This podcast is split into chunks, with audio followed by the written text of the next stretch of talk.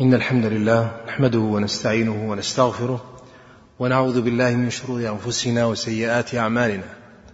من يهده الله فلا مضل له ومن يضلل فلا هادي له وأشهد أن لا إله إلا الله وحده لا شريك له وأشهد أن محمدا عبده ورسوله صلى الله عليه وعلى آله وصحبه وسلم تسليما كثيرا.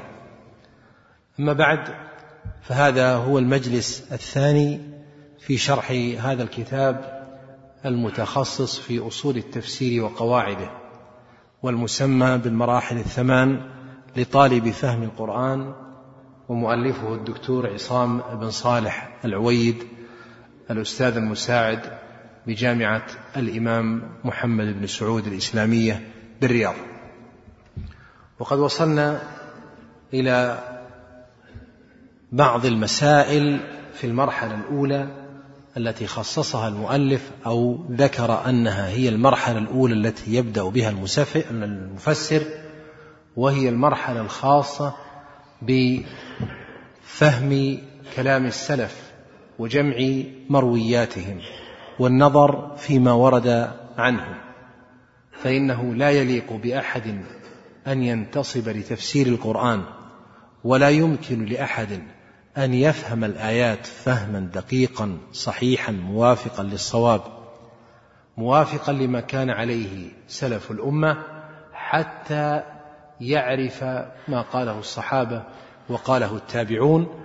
ولذلك حفظ الله سبحانه وتعالى لنا مقالاتهم في تفسير القرآن لأنهم كانوا أعلم الأمة بكتاب الله عز وجل بعد نبيها عليه الصلاة والسلام.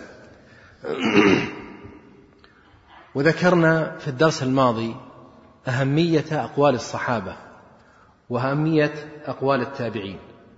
وذكر المؤلف بعدما ذكر في مسألة جمع أقوال السلف ذكر أن الأمر الثاني بعد جمع المرويات ومعرفة الأسانيد والطرق الموصلة إلى رواية الصحابة ذكر النظر في فهم معاني كلامهم. قال النظر في فهم درايته يعني في فهم كلام هؤلاء السلف وماذا أرادوا بكلامهم. فإن بعض الناس قد يقرأ كلامهم فلا يرى فيه شيئا مفيدا والسبب ليس من كلامهم وإنما من ضعف فهمه. وذكر هنا ان أنه لا بد لنا أن نشير إلى مسألتين. المسألة الأولى أهمية الإحاطة بأقوال السلف وأنه يجب على من يطلع على أقوالهم أن يجمع أقوالهم في المسألة المعينة حتى يحيط بجميع ما ورد من أقوال السلف في معنى الآية لأنه لا يتحقق الفهم الكامل التام المستوعب من قراءة كلام واحد منهم. فأنت إذا رجعت كلام ابن مسعود رضي الله عنه أو ابن عباس قد يكون في كلام علي أو أبي أو أبي بكر وعمر رضي الله عن الجميع ما يكون متمما للمعنى ومفيدا في الباب. ولعلنا ذكرنا بعض الأمثلة آه، بالأمس. ثم ذكر المؤلف كيف يكون الخلاف بين السلف في التفسير وأن أغلب خلافهم إنهم إنما هو من باب التنوع. وخلاف المفسرين غالبه من باب التنوع يعني الذي يصح فيه جمع الأقوال كلها وقبولها جميعا بخلاف خلاف السلف في الأحكام فإنهم يختلفون في الأحكام وخلافهم غالبه في الأحكام من باب التضاد. هذا يقول واجب وهذا يقول حرام هذا يقول حرام وهذا يقول مكروه هذا يقول مكروه هذا يقول مستحب. بخلاف الخلاف في التفسير فإنه غالبه فإن غالبه من باب التنوع الذي يمكن جمع الأقوال فيه على معنى واحد. وذكر أن تفسير السلف إما أن يكون كل واحد منهم قد عبر عن المراد بعبارة تختلف عن عبارة صاحبه لكن كلها تجتمع في ذات واحدة مثل ما ذكرنا في قول الله تعالى اهدنا الصراط المستقيم أو في قول الله تعالى إذا الشمس كورت فقيل في كورت لفت وقيل في كورت انطفأت وقيل في كورت ألقيت في النار. هذه الثلاثة ثلاثة أقوال كل واحد منها له معنى مستقل لكن يمكن اجتماعها في الشمس يوم القيامة. بمعنى أن الشمس يوم القيامة تلف فإذا لفت انطفأت. ثم بعد ذلك تلقى في النار تبكيتا لمن كانوا يعبدونها حتى يروا ما يتحسرون عليه. هذه الآلة التي كنا نعبدها من دون الله صارت معنا في نار جهنم؟ فييأسون يأسا عظيما ويحصل لهم بذلك شر كبير. النوع الثاني مما يحصل به أو مما يكون عليه خلاف السلف التفسير بالمثال. فقد كان السلف رحمهم الله لتيسيرهم في التفسير يفسرون كثيرا بالمثال. فإذا ذكر الله عز وجل شيئا في القرآن عاما لم يذكروا معنى هذا الشيء العام وإنما يذكرون مثالا له. يعني مثل لو تقول أنا أحب الشاب الصالح. فيقول لك واحد ومن هو الشاب الصالح؟ تقول هو محمد ابن عبد الله ابن فهد ابن ناصر. لا تريد أن هذا هو الشاب الصالح في في الكلام. يعني لا يفسر هذا الكلام إلا بفلان. لا. وإنما تريد أن تقول مثل هذا هو الشاب الصالح. مثل هذا هو الشاب الصالح. ومثل ذلك ما ذكرناه بالأمس في قول الله عز وجل والباقيات الصالحات خير عند ربك ثوابا وخير املا فبعض السلف قال الباقيات الصالحات. يعني سبحان الله والحمد لله ولا إله إلا الله والله أكبر. وبعضهم قال هي نوافل الصلاة. وبعضهم قال هي صوم الهواجر. وبعضهم قال وبعضهم قال.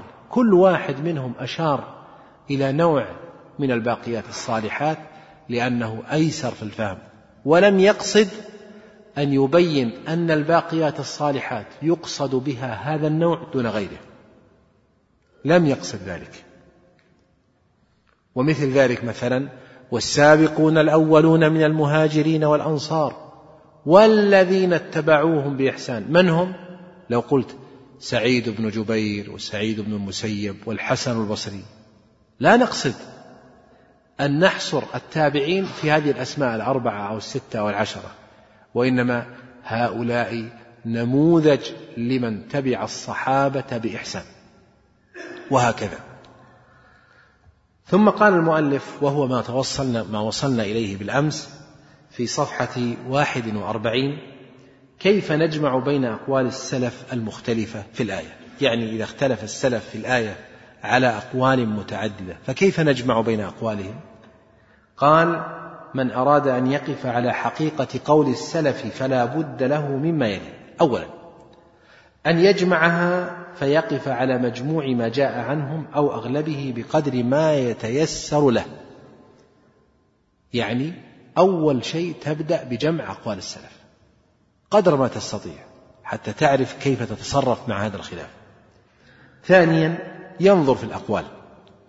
فإن استنكر أئمة التفسير بالأثر منها شيئا كابن جرير أو البغوي أو ابن كثير أو ابن تيمية أو ابن القيم أو غيرهم طرح هذا المنكر يعني إن كان أهل العلم قد أنكروا شيئا من هذه الأقوال فضعفوه أو استنكروه أو آه، رأوا أنه شاذ أو غريب فيجب عليك أن تبعد هذا هذا القول ولا تأخذ به ولا تعتد به.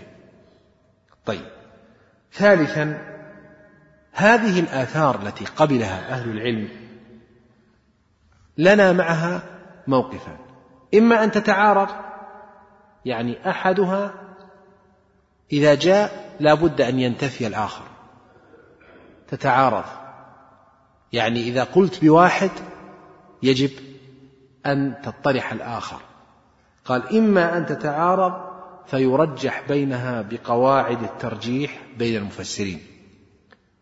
يعني إذا تعارضت أقوال السلف في الآية وجب هنا الترجيح. والترجيح ليس بالهوى. بل بقواعد معروفة مضبوطة عند أهل العلم. وذلك يا إخواني موجود في كتب مثل كتاب قواعد التفسير للدكتور خالد السبت والقواعد الترجيحية عند المفسرين للدكتور حسين الحربي. وهذان الكتاب الكتابان من أفضل ما كتب في جمع قواعد التفسير وبيان أمثلتها وكلام العلماء حولها قال فيرجح بينها بقواعد الترجيح بين المفسرين. وإما ألا يكون بينها تعارض فيجمع بعضها إلى بعض. مثل ما ذكرنا بالأمس وكأسا دهاقا الكأس الدهاق ما هو؟ قيل ملأى وقيل متتابعة وقيل صافية وهذا كله ثابت عن السلف. ويمكن اجتماع هذه الأقوال الثلاثة في كلامه. فتكون الكأس الدهاق ملأى تأتي للمؤمنين في الجنة مليئة ليست ناقصة وتأتي صافية ليس فيها شائبة وتأتي متتابعة كأسا إثر كأس.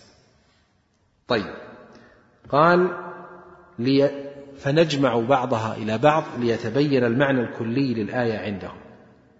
وهذا له فائدة كبرى في إدراك المعاني الكلية للآية كما لا يخفى. ولهذا قال شيخ الإسلام ابن تيمية وجمع عبارات السلف في مثل هذا نافع جدا يعني من أنفع ما يكون أن نجمع كلام السلف ثم نحاول أن نؤلف بينه. فإن مجموع عباراتهم أدل على المقصود من عبارة أو عبارتين ومع هذا فلا بد من اختلاف محقق بينهم كما يوجد مثل ذلك في الأحكام. كيف يا إخواني؟ يقول إن جمع عبارات السلف نافع جدا لأنه يحيط لك بالمعنى من كل وجوهه. مثلا قول الله عز وجل وقضى ربك ألا تعبدوا إلا إياه قضى قال بعض السلف أي حكم قال بعضهم أمر قال بعضهم وصى قال بعضهم أوجب كونك تجمع هذه العبارات أنت تدرك المعنى إدراكا جيدا. فمعنى قضى أي حكم حكما شرعيا لازما. ومعنى قضى أي وصى جعلها من باب الوصية التي تكون من الأعلى للأدنى على وجه الخوف عليه والشفقة عليه.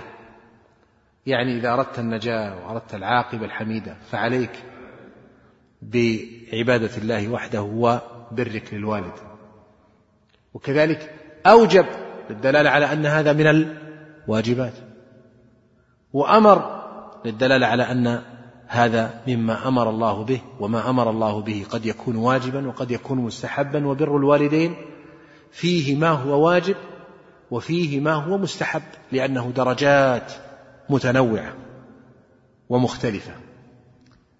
فجمع كلام السلف في بيان معنى الآية مفيد جدا في إثراء الموضوع ومعرفة كل المعنى. ومع ذلك فيقع بين السلف اختلاف محقق يعني أن يكون كلام أحدهم مخالف لكلام الآخر ولا بد لنا من اعتبار أحد الكلامين مثل ما قال الله عز وجل في سورة البقرة والمطلقات يتربصن بأنفسهن ثلاثة قروء ما هو القرء؟ قال بعض العلماء القرء الحيض. إذا المرأة تتربص أي تعتد إذا طلقت بثلاث حيضات. فإذا حاضت المرة الأولى ثم حاضت الثانية إذا حاضت الثالثة خرجت من العدة. وقال بعضهم بثلاثة قروء ثلاثة أطهار. فمعنى ذلك الطهر الأول ثم الطهر الثاني ثم إذا حاضت الثالثة فطهرت بعد الحيضة الثالثة خرجت من العدة. إذا مش الفرق بينهم؟ الفرق بينهم قرابة سبعة أيام أو ثمانية أيام على اختلاف النساء في هذا الباب. أحدهم يخرجها من العدة أولا عند أول الحيضة والآخر يخرجها من العدة عند أول الطهر الذي يكون بعد الحيضة. إذا هذا خلاف إيش؟ محقق. طيب ما موقفي الآن؟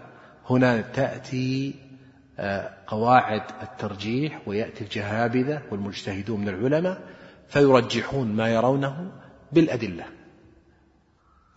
وأمثلة ذلك من الخلاف المحقق كثيرة كما سيتبين معنا بعد قليل. ثم ذكر المؤلف أمثلة لكيفية الجمع بين أقوال السلف. فذكر مثالا قال هذا فليذوقوه حميم وغساق ما هو الغساق؟ تقرأ في كلام السلف الغساق يعني البارد الشديد البرودة. وتقرأ في كلامهم الغساق صديد أهل النار وقيحهم. وتقرأ في كلام السلف الغساق دموع أهل النار. وتقرأ أيضا في كلام السلف الغساق المنتن. وتقرأ أيضا في كلامهم الغساق عين يجتمع فيها سم السميات كالعقارب والحيات. إذا عندنا دموع أهل النار صديد أهل النار البارد المنتن المكان الذي تجمع فيه السميات. ما هو الغساق؟ نقول يمكن جمع هذا الكلام. فالغساق صديد أهل النار وعرقهم وقيح جروحهم ودموعهم يجمع في عين ويضاف إليه سم الحيات والعقارب ثم يبرد أشد التبريد وينتن أشد الإنتان ثم يقدم طعام لهؤلاء الكفار في نار جهنم. هذا فليذوقوه حميم أي حار شديد الحرارة. قد بلغت النهاية في حرارته وغليانه وغساق أي بارد منتن كريه شديد البرودة. من دموع وعرق وقيح وصديد أهل النار نسأل الله العافية والسلام رأيتم كيف جمعنا هذه الأقوال؟ وجعلناها متآلفة وصار كل واحد منها يعبر عن جزء من المعنى. فاستفدنا من مقالاتهم جميعا أنه اكتملت لنا صورة المعنى من جميع أطرافها. ولذلك بعض الناس عندما تقول له اقرأ في كلام السلف يقول والله يا أخي يختلفون اختلافهم كثير. أنا لما أقرأ في تفسير من كثير أجد كلام كثير للسلف والله كل واحد منهم يضيعني في وادي. لا ما يضيعك. حاول أن تفهم كلامهم ستجد أن أكثر كلامهم مجتمع وأنه يمكن أن يجمع إلى بعضه وكل واحد منهم يشير إلى زاوية في الكلام لا يشير إليها الآخر. ولهذا كان المفسرون يعتنون بجمع أقوال السلف ويؤلفون بين أقوالهم.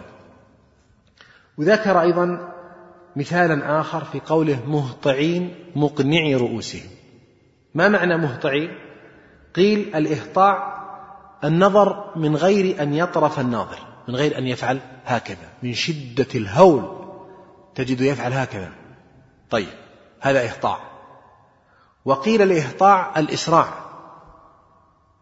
فالمهطع هو الذي يسرع في المسير.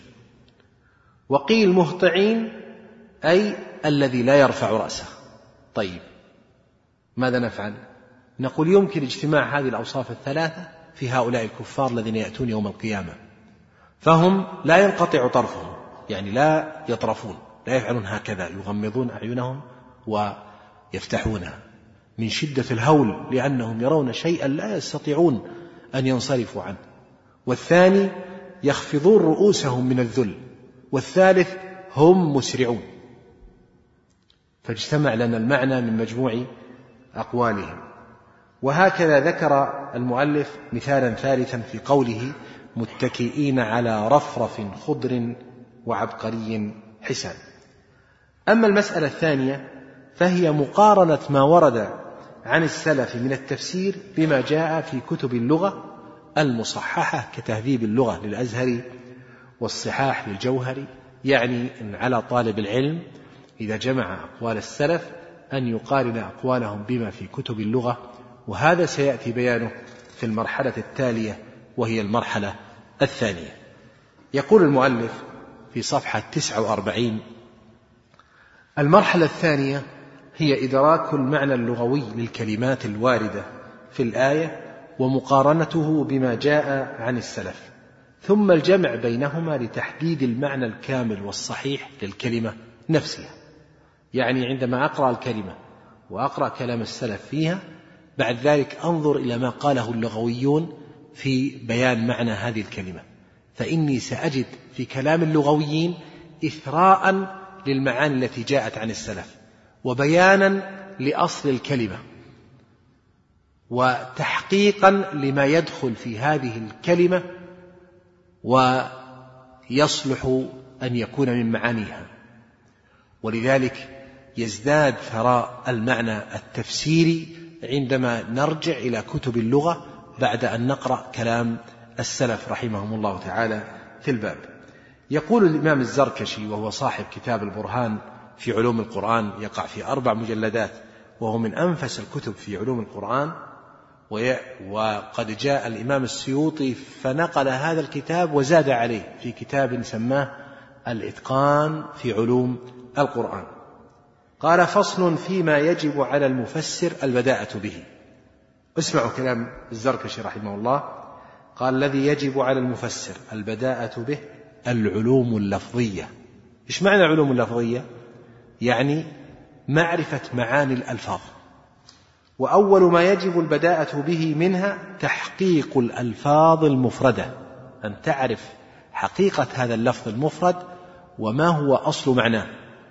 فتحصيل معاني المفردات من ألفاظ القرآن من أوائل المعادن لمن يريد أن يدرك معانيه. قال وهو كتحصيل اللبن من أوائل المعادن في بناء ما يريده ما يريد أن يبنيه. يعني هو مثل ما يحصل الإنسان اللبنات حتى يبني بيتا. أول ما يبدأ يحصل اللبنات وهي متفرقة. لبنة ثم لبنة ثم لبنة يجمعها ثم يبدأ في بناء البيت فيتكون البيت. فهذا البيت متكون من لبنات. كذلك الكلام والجمل والآيات والسور متكونة من كلمات. أول ما تبدأ بمعرفة معاني هذه الكلمات لتصل إلى معاني الجمل والآيات والسور. قال وليس ذلك في علم القرآن فقط بل هو نافع في كل علم من علوم الشريعة وغيره وهو كما قالوا لأن المركب لا يعلم إلا بعد العلم بمفرداته. إذا من أهم الأشياء أن نتعلم علم المفردات يعني معرفة مفردات القرآن ومعناها في لغة العرب. وعدم فهم دلالة الكلمة يؤدي إلى خطأ كبير في تأويل القرآن. وذكر هنا قصة عمرو بن عبيد المعتزلي فإن عمرو بن عبيد صار عنده بدعة وكان سبب هذه البدعة هوى إضافة إلى ضعف فهم للغة. فإنه يرى أن الوعد والوعيد سواء وأن إخلافهما لا يجوز. فمن وعد وعدا بخير أو أوعد وعيدا فإنه لا يجوز له أن يخلفه لأن هذا يتضمن الكذب. فقال إذا وعد الله عباده بالجنة فإنه لا بد أن ينفذ هذا الوعد. وإذا أوعد على عمل أو معصية بالنار فإنه لا بد أن ينفذ هذا الوعيد. هكذا ظن. وما عرف أن العرب تفرق بين الوعد والوعيد. فالوعد عند العرب إنفاذه يعتبر كرم. وإخلافه يعتبر ذم وقبح وسوء في الأخلاق. أما الوعيد فإن إنفاذه يعتبر عدلا وعدم إنفاذه يعتبر كرما. لو أني قلت من قام الآن ضربته ثم قام رجل منكم فقالوا لي هل تضرب هذا الرجل؟ قلت قد عفوت عنه. ماذا تعدون هذا في حقي؟ كرم. وكذلك الله عز وجل عندما يتوعد على معصية من المعاصي بأنه يعاقب عليها والذين يرمون المحصنات الغافلات المؤمنات لعنوا في الدنيا والآخرة إذا لم يطرد الرب سبحانه وتعالى واحدا منهم من رحمته فعفى عنه يعد هذا إيش؟ كرما منه. عمرو بن عبيد قال لا يجب أن ينفذ فيه الوعيد ولذلك عنده من عمل معصية فإنه كافر ومستحق للخلود في النار بناء على ماذا على أنه خلط بين الوعد والوعيد ولم يفهم أن العرب كانت تفرق بين إخلاف الوعد وإخلاف الوعيد يقول المؤلف فصل الناظر في كلمات القرآن من جهة الوضوح وعدمه يمكنها يمكنه جعلها على ثلاثة مراتب. النوع الأول أو المرتبة الأولى كلمات مشهورة واضحة المعنى متفق عليها ذات دلالات محددة مثل الشمس والقمر والنجوم والليل وغيرها من الكلمات التي تعرف معانيها ولا تحتاج إلى تفسير. النوع الثاني أو المرتبة الثانية كلمات متداولة ظاهرة المعنى لكن تجد في معانيها خبايا وفي دلالاتها معان إضافية لا تظهر إلا لمن فتش عن تلك المعاني الخفية وحاول أن يبرزها. وهذا معنى رائع جدا وجميل وينبغي لنا أن ننتبه له. وهذا يقول هو الذي يتميز به طالب التفسير وهو أن يبحث عن الدلالات الخفية للكلمات التي يكون معناها ظاهرا لكن لها دلالات خفية. وسيضرب مثالا لهذا. النوع الثالث أو المرتبة الثالثة كلمات غامضة بالنسبة لكثير من الناس لا يدرك معناها إلا بمراجعة كتب التفسير واللغة. مثل كلمة انكدرت مقمحون زرابي الوتين حمئة الترائب زنيم أبا قضبا أمشاج جد ربنا سائحات كنود إلى آخره. فهذه كلمات غريبة يقل استعمالها في كلام العرب ويقل مرورها على الناس في كلامهم فيحتاج القارئ إلى أن يفتش عن معناها في كتب اللغة والتفسير. وهذه عند التفتيش على معناها ترجع إلى أحد الصنفين.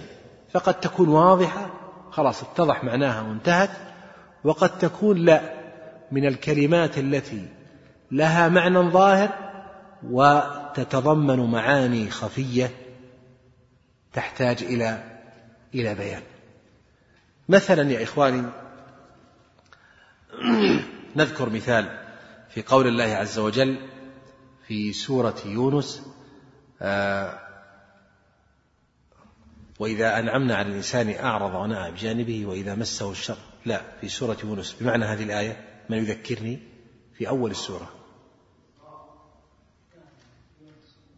سورة يونس. في أول سورة يونس. قال الله عز وجل آه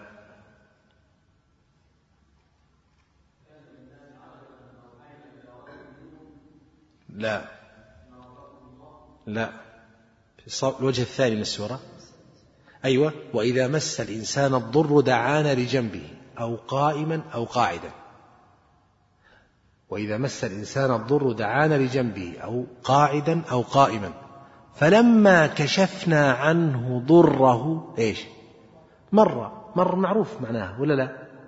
لكن انظروا يا إخواني دلالة كلمة مر في الآية يعني دلت على السرعة وسرعة النسيان وأن الإنسان تجد الإنسان مثلا تجاوز سيارة فأقبلت عليه سيارة تريلا بدأ يقول لا إله إلا الله لا إله إلا الله لا إله إلا الله. يتشهد لأنه الآن أمام الموت.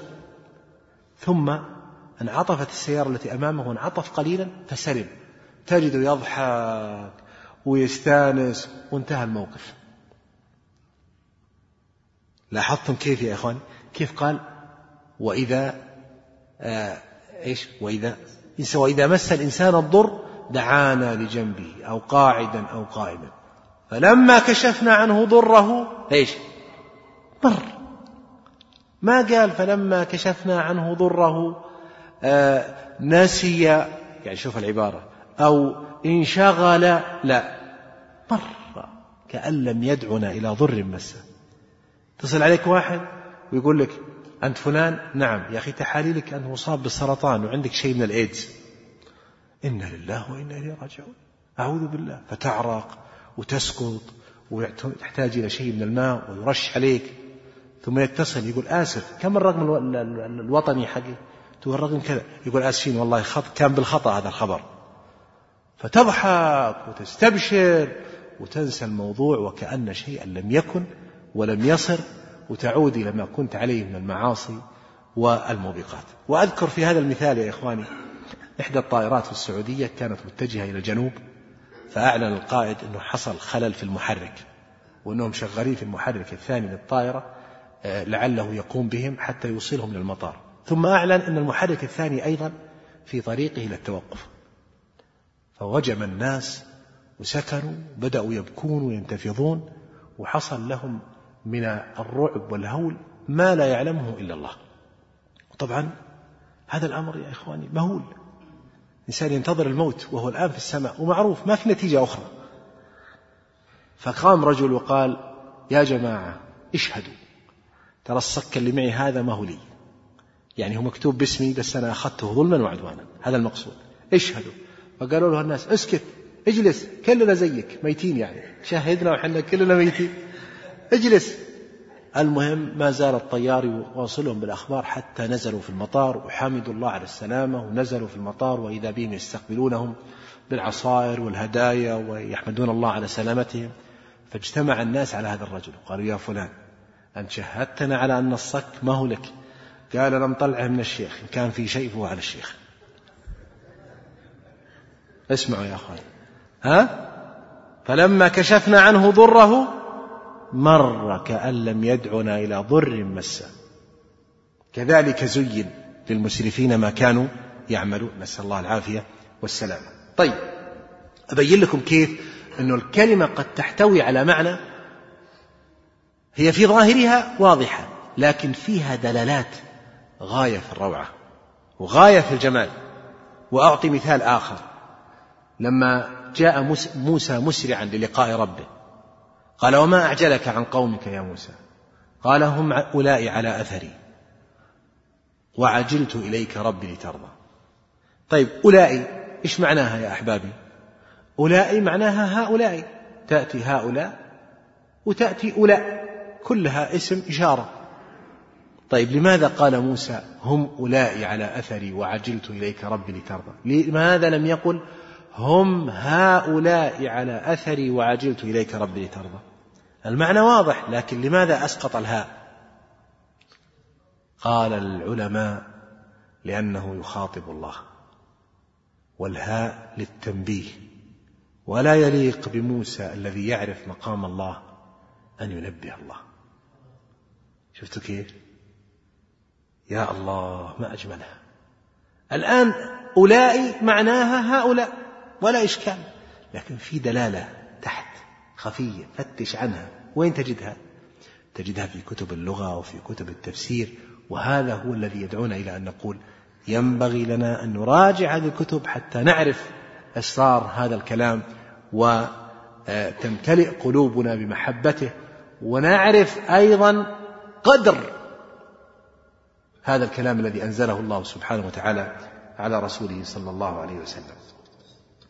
يقول المؤلف في صفحة 51 إذا تبين هذا فيبقى عندنا سؤال كبير وهو كيف يصل طالب فهم كتاب الله إلى معرفة دلالة الكلمة؟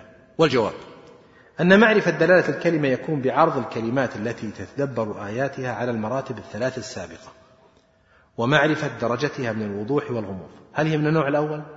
الواضح الجلي الذي لا لبس فيه ولا غموض. أو من النوع الثاني؟ الواضح لكن الذي فيه بعض آه، الإشارات والدلالات الخفية. أو من النوع الثالث الذي هو غامض فتكشفه بكتب آه، التفسير والغريب وكتب اللغة ويكون يرجع إلى أحد المعنيين أو المرتبتين السابقتين.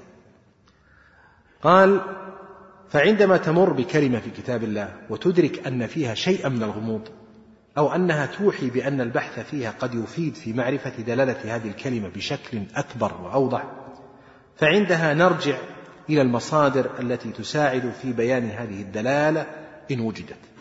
وهذه المصادر كثيرة متنوعة لكني سأحصر البحث في مصادر محددة تغني الباحث في مراحله الأولى فأقول نحتاج لفهم كلمات الكتاب العزيز فهما شبه تام إلى ثلاثة مراجع.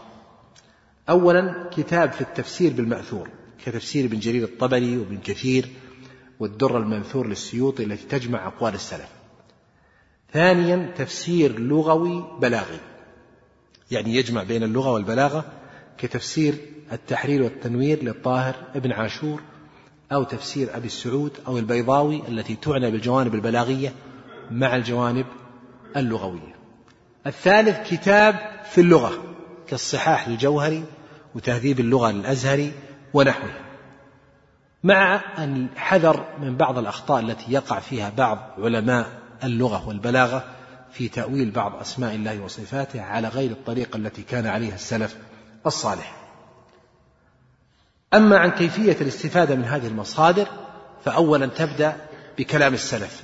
تقرأ ماذا قالوا في هذه الكلمة ثم تتحول بعده إلى كلام اللغويين البلاغيين كالطاهر بن عاشور رحمه الله وتنظر ماذا ذكروا من دلالات لهذه الكلمة؟ لغوية وبلاغية. ثم تنظر في كتب اللغة وبهذا يجتمع لك المعنى من أطرافه بإذن الله. ثم ذكر المؤلف أمثلة لهذا النوع وكيف أننا نستطيع من خلال كلمة أن نفهم أشياء جدا في غاية الأهمية. قال اسمع قول الله عز وجل واذكر في الكتاب مريم إذ انتبذت من أهلها مكانا شرقيا. فكلمة انتبذت لو تنظر إليها مجردة يعني صارت في اعتزلت أو ابتعدت. لكن اختيار كلمة انتبذت له دلالة. فالانتباذ يعني الطرح. تقول نبذت الشيء يعني طرحته وألقيته. كأنك كاره له أو مفارق له. فمريم عليها الصلاة والسلام انتبذت من أهلها يعني ابتعدت منهم وفارقتهم كراهية لما هم عليه أو لشدة الأمر الذي كان عليها الله أعلم. المهم أن هذا الابتعاد لم يكن ابتعادا طبيعيا بل ابتعاد فيه معنى النبذ والطرح والإلقاء والكراهية لما آه، لمن انتبذت منهم. هذا من أين أخذناها؟ أخذناها لما تأملنا كلمة انتبذت. في نفس سورة مريم قال الله عز وجل ذكر ذلك المؤلف في المثال الرابع ألم تر أنا أرسلنا الشياطين على الكافرين تؤزهم أزا؟ ما معنى تؤزهم أزا؟ اسمعوا. يقول لننظر أولا في تفسير بعض السلف. فعن ابن عباس قال تؤزهم أي تغريهم إغراء. تغريهم أي تحثهم وتشجعهم وتحمسهم. وعن قتادة تزعجهم إزعاجا في معصية الله. إزعاج في معصية الله. طيب عندما نرجع إلى كتب اللغة كالصحاح يقول في مادة أزز الأزيز صوت الرعد وصوت غليان القدر والأز التهييج والإغراء. والأز الاختلاط. وقد أززت الشيء أعزه أزا إذا ضممت بعضه إلى بعض. إذا اجتمع لنا يا إخواني الإغراء الإزعاج التهييج الاختلاط الضم. طيب كيف نؤلف المعنى من هذا الكلام الذي ذكره أهل اللغة وأهل التفسير؟ قال فنجد أن الأز يطلق على أمور منها الصوت الشديد المضطرب التهييج والإغراء الاختلاط. قال فالشياطين تختلط بالكافرين والفاسقين وتتمكن منهم. تجري من دمائهم ها؟ تجري من منهم مجرى الدم من العروق وتتمكن من قلوبهم فلا يفكرون إلا بما تمليه الشياطين ولا يشتهون إلا ما تريده منهم الشياطين. مهما تكلم الإنسان إن كتب مقالا كتب ما يرضي الشياطين. وإن خرج في قناة إعلامية تكلم بما يرضي الشياطين. وإن أمر أمر بما يرضي الشياطين. وإن نهى نهى بما يرضي الشياطين. وإن أصدر قرارا أصدر قرارا يرضي الشياطين. فموضوع المرأة كله يختزل في قضية تبرجها واختلاطها بالرجال وجلوسها معهم وسفورها. أما إنصاف المرأة في عملها في بيتها رحمتها اللطف بها العناية بها إعطاؤها حقوقها التي ظلمت فيها مثلا في مجتمع أو غيرها هذا لا يعنيه في قليل ولا كثير. رأيتم؟ طيب تختلط بهم. الثاني توسوس لهم وسوسة شديدة مزعجة فتملأ قلوبهم بشبهاتهم وشهواتهم. ويكون هذا الصوت المزعج سببا في منعهم من سماع ما يعارضها. فهو لا يسمع ولا يرى إلا ما تمليه الشياطين وتدله عليه الثالث تهيجهم وتدفعهم دفعا شديدا إلى المعاصي. فهو يشتغل الليل والنهار وإذا كنت أنت يا صاحب الحق تشتغل في اليوم ثمان ساعات هو يشتغل ستة عشر ساعة من أجل باطله الذي يسعى له. وهو لا ينتفع منه ولا يستفيد منه والعياذ بالله. ولكن هكذا الشياطين استولت عليه كما قال الله عز وجل ألم تر أن أرسلنا الشياطين على الكافرين تؤزهم أزا؟ وبهذه مناسبة قراءة هذه الآية يذكر أن الباقلاني كان شديدا على جماعة من الطوائف الضالة فكانوا يخافون منه. لقوته في المناظرة وسعة علمه. فذات يوم كان هؤلاء جالسين فمر بهم الباقلاني رحمه الله فقال رئيسهم قد جاءكم هذا الشيطان قد جاءكم هذا الشيطان يعني يخافون منه. فقال الباقلاني على البديهة ألم تر أن أرسلنا الشياطين على الكافرين تؤزهم أزا فقذف الله عز وجل أو رد الله كلمته بكلمة قوية من هذا الإمام آه، العظيم. وبهذا نكون انتهينا من المرحلة الثانية. نأتي إلى المرحلة الثالثة. المرحلة الثالثة يا إخواني هي معرفة دلالة حروف المعاني التي تربط بين الكلمات. ما هي حروف المعاني؟ بينا بالأمس أن الحروف في اللغة العربية قسمان حروف مباني وحروف معاني. حروف المباني يعني الحروف التي تبنى منها الكلمة مثل سعد مبنية من سين وعين ودال. هذه تسمى حروف مباني وهذه لا شأن لنا بها. النوع الثاني حروف معاني وهي الحروف التي يؤتى بها للربط بين أجزاء الجملة. فتقول لما تريد أن تقول خرج محمد من البيت إلى المسجد ما تقول خرج محمد البيت المسجد؟ ما يصير له معنى الكلام. كيف يصير له معنى؟ لما تأتي بهذه الحروف تقول خرج محمد من البيت إلى المسجد. فجاءت من هذا حرف لكن له معنى. وإلى هذا حرف لكن له معنى. هذا الذي تسمى حروف المعاني. هذه الأدوات والحروف في اللغة العربية مهم جدا أن يتعرف عليها طالب العلم ويستفيد آه، المعنى الصحيح عندما يعرف دلالتها في الكلمة. فإن الحرف الواحد يأتي وهو يدل على أكثر من معنى. مثال ذلك لما تقول بسم الله. بسم الله الباء هنا للاستعانة. معناها أقرأ مستعينا بسم الله. ولما تذبح وتقول بسم الله إيش معنى الكلام؟ أذبح مستعينا بسم الله. ولما ترفع اللقمة إلى فمك وتقول بسم الله إيش تريد بذلك؟ آكل مستعينا بسم الله. هذه دلالة الباء. طيب ولما تقول جلست بالبيت إيش معنى الباء هنا؟ معناها جلست مستعينا بالبيت؟ لا. ب يعني في جلست في البيت. الباء هنا بمعنى تكون بمعنى الظرفية. واضح هذا الكلام؟ فالباء جاءت بعدد من المعاني. طيب سبح بحمد ربك. إيش معنى الباء هنا؟ معنى سبح بحمد ربك أي سبح تسبيحا مصحوبا بحمد ربك.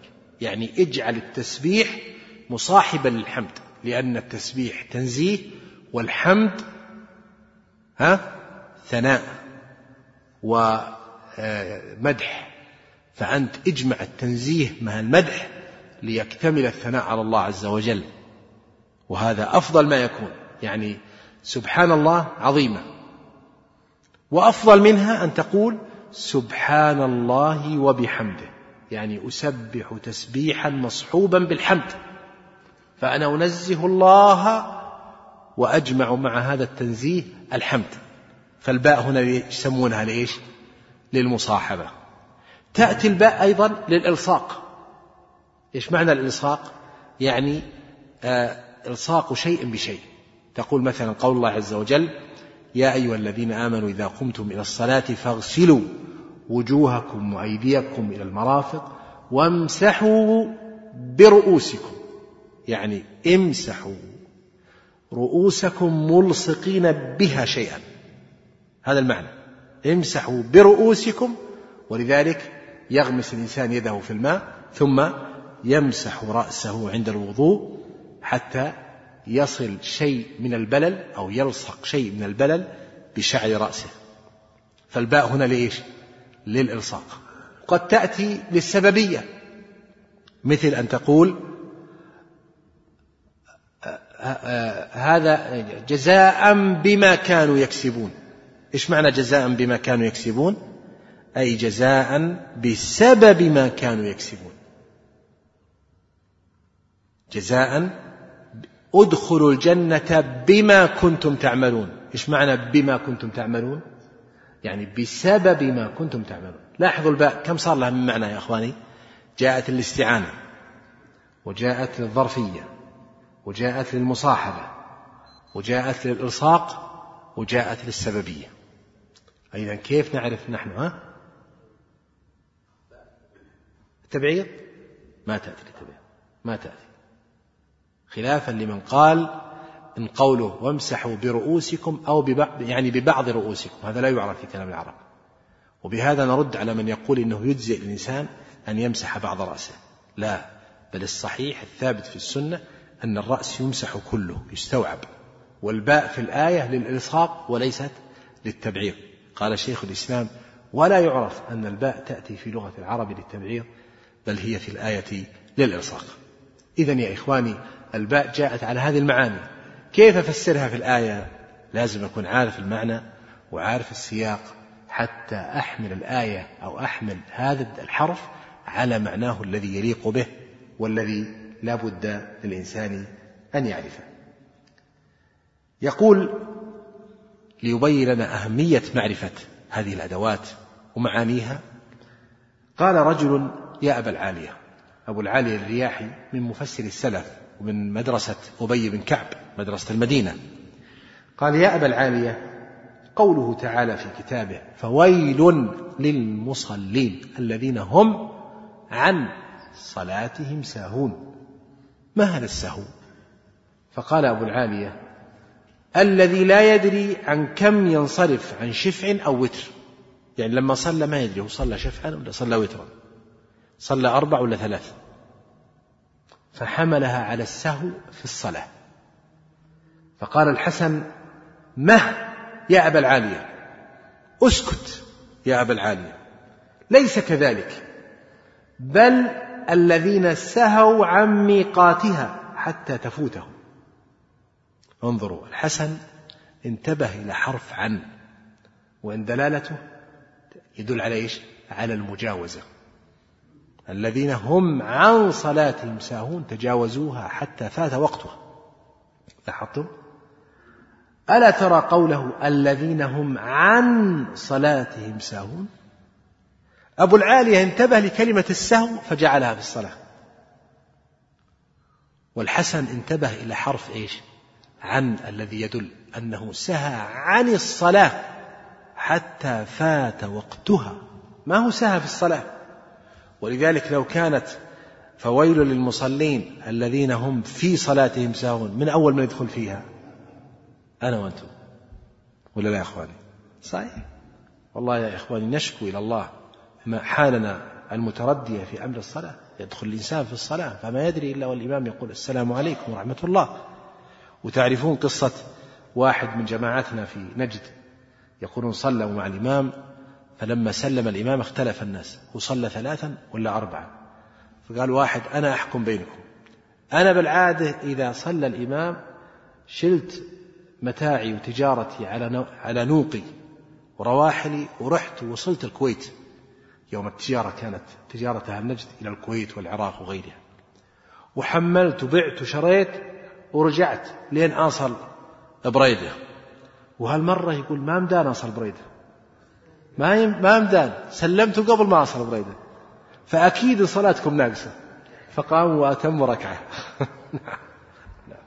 إذا يا إخواني من المهم جدا أن نعرف معنى هذه الأدوات وأن نتفطن لذلك وألا نهمله حتى نتبين المعنى الصحيح لكلام الله عز وجل وندرك كثيرا من أسرار القرآن وإعجازه في حروفه وأدواته وكلماته وجمله وآياته وسوره ونظمه وترتيبه. يقول المؤلف ومع كثرة المؤلفات القديمة والحديثة في حروف المعاني إلا أني سأختار مرجعا واحدا فقط تسهيلا وتيسيرا وهو معجم حروف المعاني في القرآن الكريم. هذا المعجم كتبه أحد المؤلفين جزاه الله خيرا. قال له فلان الشريف.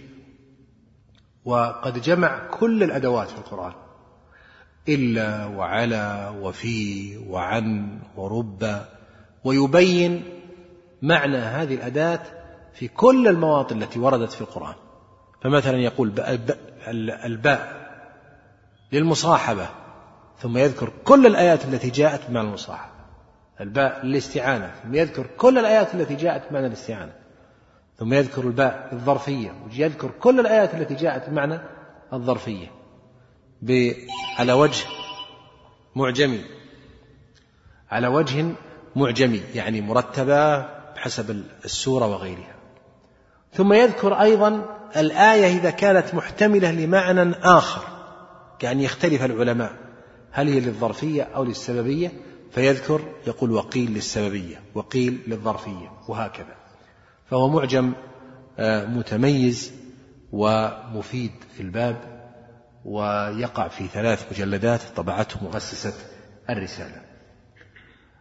قال ومعرفة دلالة حروف المعاني على ثلاث درجات. المرحلة الأولى إدراك المعاني المشهورة لكل حرف. يعني ينبغي لطالب علم التفسير أن يعرف كل حرف من هذه الحروف ويعرف معانيها الأصلية. الباء قلنا للمصاحبة للاستعانة للظرفية للقسم. نسينا القسم وأقسموا بالله جهد أيمانهم. للقسم آه، للسببية. فيعرف كل حرف وما يدل عليه من المعاني أصلا. طيب. الدرجة الثانية إدراك المعنى المراد تقريبا لكل حرف بحسب موضعه. يعني عندما يتمر على هذا الحرف في موضع من القرآن أن تعرف معنى هذا الحرف في هذا الموضع. ماذا يدل عليه السياق؟ هل هو يحمل على هذا أو على هذا أو على هذا؟ مثل قول الله عز وجل ولأصلبنكم في جذوع النخل فإن في هنا تدل على شدة التصليب هو الأصل ولأصلبنكم على جذوع النخل ولكنه قال في لأنه كأنه من حنقه عليهم يريد أن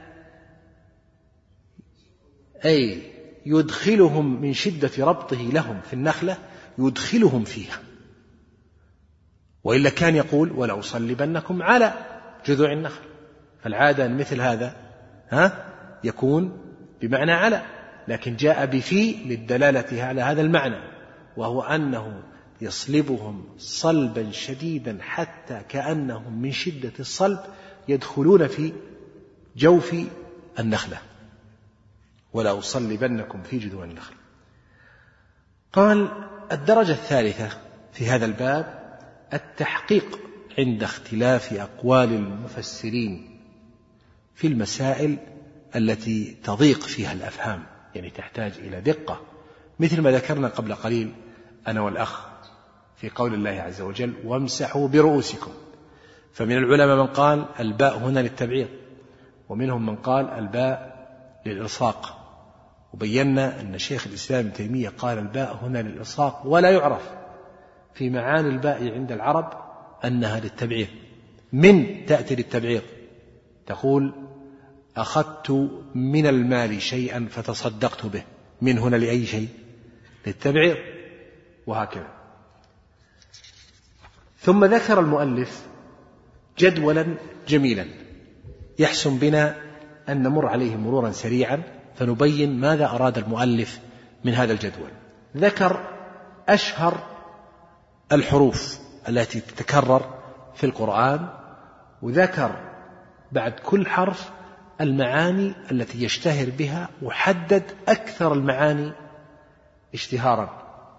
ثم ذكر لكل معنى آية ومثال في القرآن الكريم. نأخذ ال قال للتعريف تكون عهدية تكون جنسية وتكون للماهية. العهدية يعني مثل لو أقول هل جئتم بالكتاب معكم؟ أي كتاب؟ أي كتاب؟ هذا معهود بيني وبينك أنه هذا الكتاب. لو قال واحد إي نعم جئنا بالكتاب ثم أخرج القرآن. وقال هذا قد ذكر الله أنه هو الكتاب.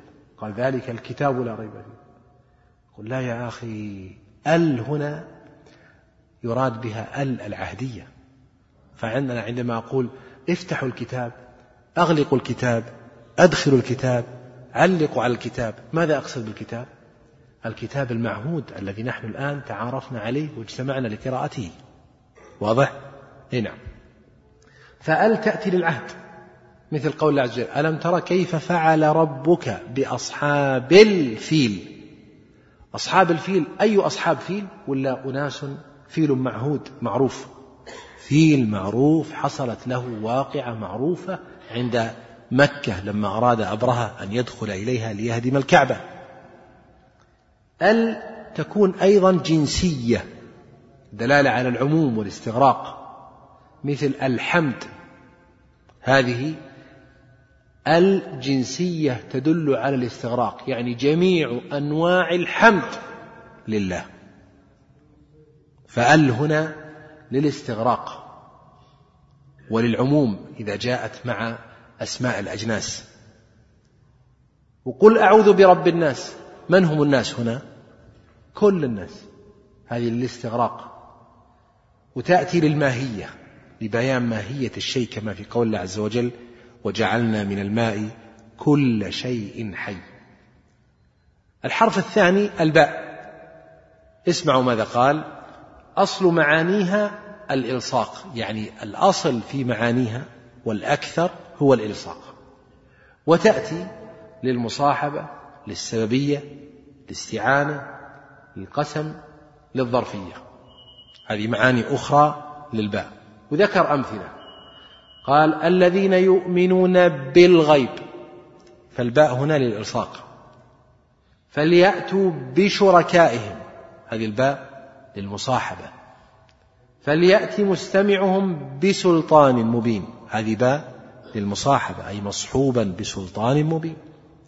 فذكر فما أنت بنعمة ربك بكاهن ولا مجنون. يعني الباء لأي شيء؟ للسببية. فما أنت بسبب نعمة ربك بكاهن ولا مجنون. اقرأ باسم ربك الذي خلق. الباء هنا لأي شيء؟ للاستعانة. وأقسموا بالله جهد أيمانهم الباء للقسم حتى توارت بالحجاب. هنا للظرفية. طيب السين. قال السين للتنفيس. تنفيس يعني امتداد الزمن لكن الزمن اليسير. لما تقول له تقول لي تعال أقول سآتيك. إيش معنى سآتيك؟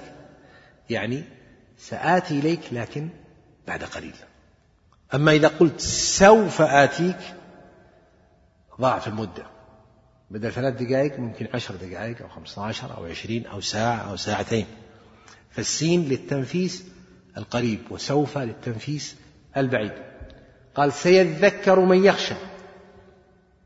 أهل الخشية من حين ما تنزل عليهم آيات الله ما يلبثون إلا قليلا فيتذكرون. سيجعل الله بعد عسر يسرا. أي إذا نزل العسر فإن الله سيجعل بعده يسرا قريبا. بل من شدة تصبير الله أو تفريج الله لأهل العسر أنزل في القرآن قوله فإن مع العسر يسرا إن مع العسر يسرا. يعني يا عبدي قد كتبت مع العسر الذي أنزل عليك يسرا فأبشر به. لا تيأس لا تقنط من روح الله فالعسر الذي نزل عليك سيكون معه يسر ولاحظوا من بلاغة يعني أو من جمال كلام العرب وهذا سنأتي إليه إن شاء الله. ابن عباس ماذا قال؟ حتى أبين لكم كيف أننا نفهم القرآن. هذه نسويها استراحة.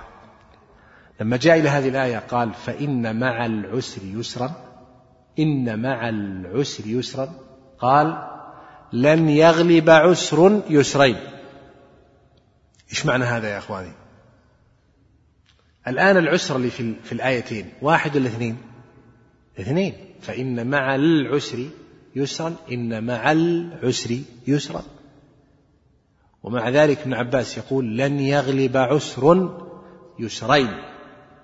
فجعل العسر في الآيتين واحدا. وجعل اليسر في الآيتين إيش؟ اثنين. إيش السبب؟ اللي من العرب يتكلم. واللي من العجم يسكت. والله بيتبين إن الجماعة ما صاروا من العرب. الظاهر لو قلبنا السؤال إنجليزي رفعت أيدي أكثر. ها؟ اجيبه يا أخي تفضل يا أخي. قال التعريف إيش فيها؟ طيب ويسرا نكرة إجابتك صحيحة بس أريد إيضاح أكثر. نعم. لا لا ليست في العهد. لا ليست في العهد. نعم. أيوة. نفس المعنى اللي ذكره الأخ. طيب. شوفوا يا إخواني حتى أبين لكم.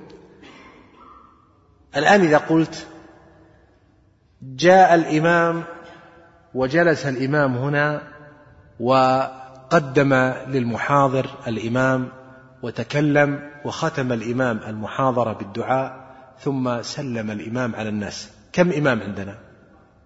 واحد. لأن ال هذه خدمتنا فجعلت الإمام هذا كله واحد مع أنه تكرر خمس مرات صح؟ لكن لما نقول صلى بنا إمام وأفتانا إمام وذهبنا مع إمام وقرأنا كتاب كذا وكذا على إمام كم إمام؟ أي أربعة أو خمسة. فالأل هذه التي للتعريف إذا جاءت في الكلمة المكررة دلت على أنها شيء واحد. دلت على أنها شيء واحد. إذا فإن مع العسر يسرا إن مع العسر يسرا هنا العسران شيء واحد. أما اليسر فقد جاء منكرا فصار يسرين. ولذلك قال ابن عباس هو الفهم. هذا ما دعا له الرسول عبث يا إخواني. دعاء الرسول لازم يصيب. إيه؟ قال اللهم فقهه في الدين وعلمه التأويل. ولذلك لما مر بهذه الآية قال لن يغلب عسر يسرين. فهم في الآية يسرين وفي الآيتين عسر واحد. يا الله. شفتوا كيف كلام العرب؟ كلام فيه بلاغة وفيه نفاسة وجمال وفيه دقة ولذلك أنزل الله هذا الكتاب بهذا الكلام لما يتضمنه من المعاني العظام. أسأل الله سبحانه وتعالى أن يجعلني وإياكم من أهل القرآن الذين هم أهل الله وخاصته وأن يفقهنا في الدين ويعلمنا تأويل الكتاب المبين. صلى الله وسلم على نبينا محمد وآله وصحبه أجمعين.